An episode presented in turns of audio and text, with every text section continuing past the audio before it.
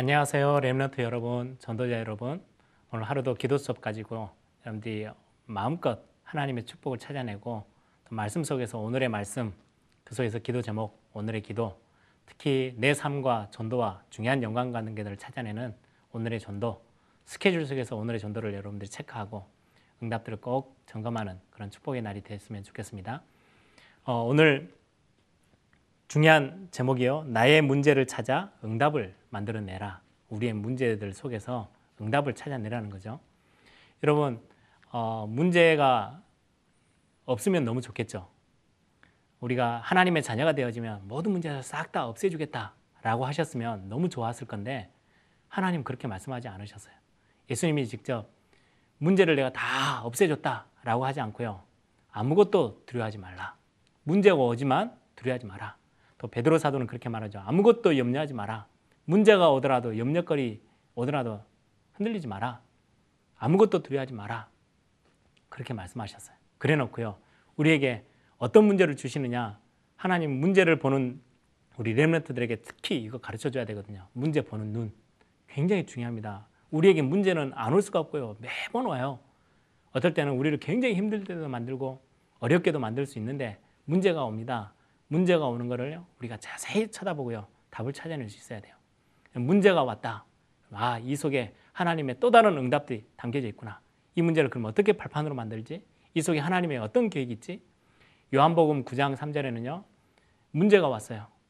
그 문제가 누구의 잘못입니까? 우리는 율법적으로 아, 내가 뭘 잘못했길래 그럴 때가 거의 대부분이죠. 아닙니다. 하나님의 중요한 일을 이루시기 위해서 나타내시기 위해서 우리에게 허락하신 것이다. 그럼 우리는 문제가 너무 나를 어렵게 만드는데요. 아니요. 우리를 문제가 누를 수 없습니다.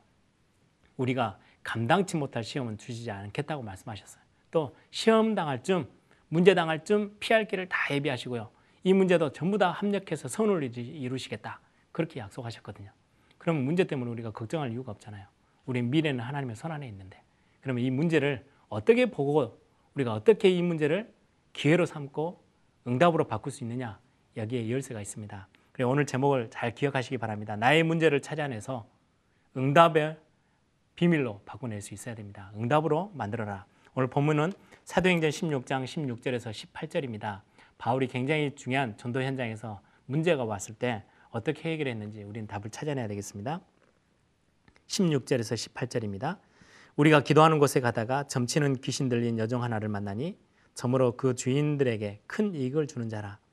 그가 바울과 우리를 따라와 소리질러 이르되 이 사람들은 지극히 높은 하나님의 종으로서 구원의 길을 너희에게 전하는 자라 하며 이같이 여러 날을 하는지라 바울이 심히 괴로워하여 돌이켜 그 귀신에게 이르되 예수 그리스도의 이름으로 내가 내게 명하노니 그에게서 나오라 하니 귀신이 즉시 나오니라.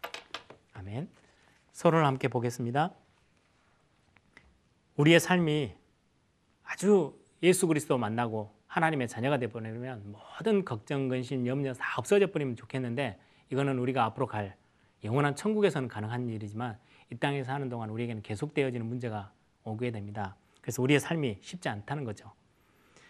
우리 랩런트들은 가정에서 올바른 힘을 얻지 못하고요. 공부도 굉장히 어렵습니다.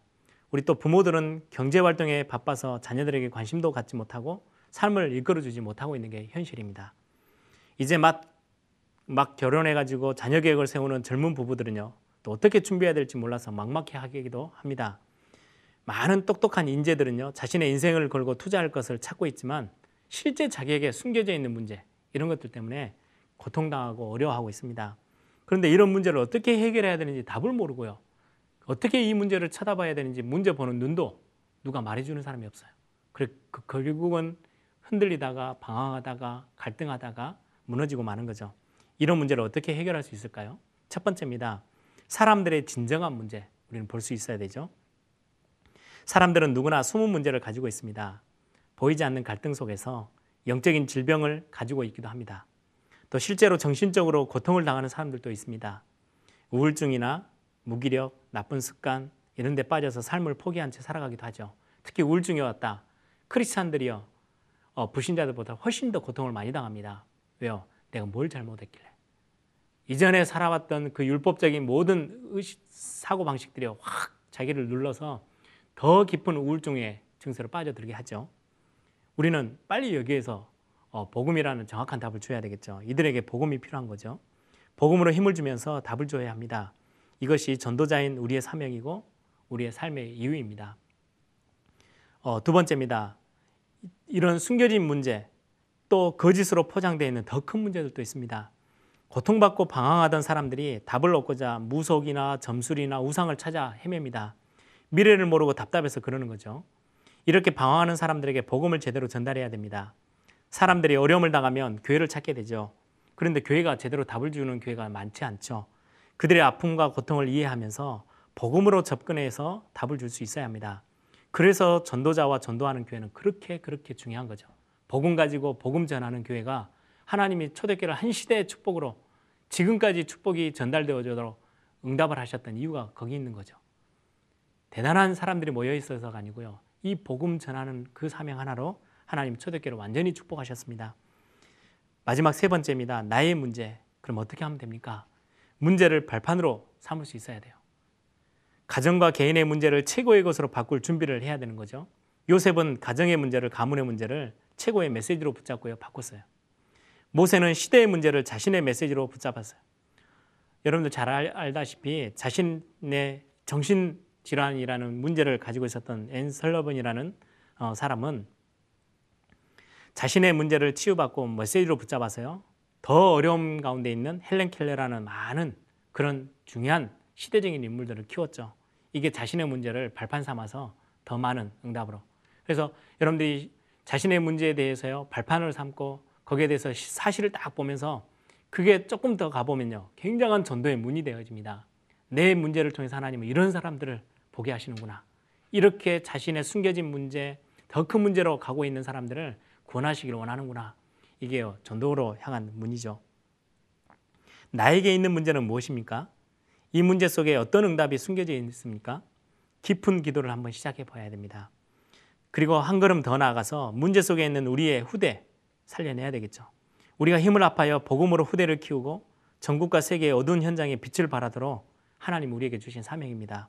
이를 위해 모든 것을 응답의 발판으로 삼을 수 있어야 합니다. 지금 우리가 어려워하는 걸로 그치지 말고요. 지금의 나의 문제를 싹 응답으로 바꿀 수 있고 지금의 현실에 후대에게 주어지지 못하는 문제를 문제를 우리는 응답으로 바꿔서 알류티시라는 큰 응답을 놓고 지금 준비하고 있습니다. 굉장히 중요한 기도 제목들이죠. 포럼의 주제입니다. 나의 숨은 문제는 무엇입니까? 내게 주신 말씀과 내게 있는 문제를 연결해서 기도하면서 답을 찾아내도록 여러분들이 묵상의 짧은 시간이라도 묵상의 시간 한번 가져보길 바랍니다. 제가 항상 말씀드린 것처럼 말씀을 듣고 나면요. 여러분들이 꼭 개인의 시간, 잠깐 하나님 앞에 내 삶 모든 걸 멈춰서서 하나님을 잠깐만이라도 바라볼 수 있는 묵상의 시간 굉장히 중요합니다. 그게 정시기도고 그게 현장에서 매번 반복되어진 게 무시기도입니다. 이 속에서 모든 응답들 다 찾아낼 수 있고요. 혹시 깊은 문제를 가지고 있다. 깊은 기도 속으로 들어가세요. 거기서 응답을 찾아내셔야 합니다. 기도하겠습니다. 좋으신 아버지 하나님, 하나님 우리 문제 속에 어마어마한 계획이 있음을 말씀하시며 문제 당할 쯤에 피할 길도 예배하시고 우리가 감당치 못할 문제는 주지 아니하시겠다고 약속하시며 이 모든 문제를 합력해서 선을 이루시겠다고 약속하셨사오니 문제 속에 우리가 문제를 제대로 보는 눈을 여는 우리 렘멘트들 되게 하시며 문제 속에서 말씀과 연관하여서 정확한 응답과 전도의 축복들을 찾아내는 우리 렘멘트 전도자들 되도록 하나님이 축복해 주옵소서. 주 예수 그리스도의 이름으로 기도합니다.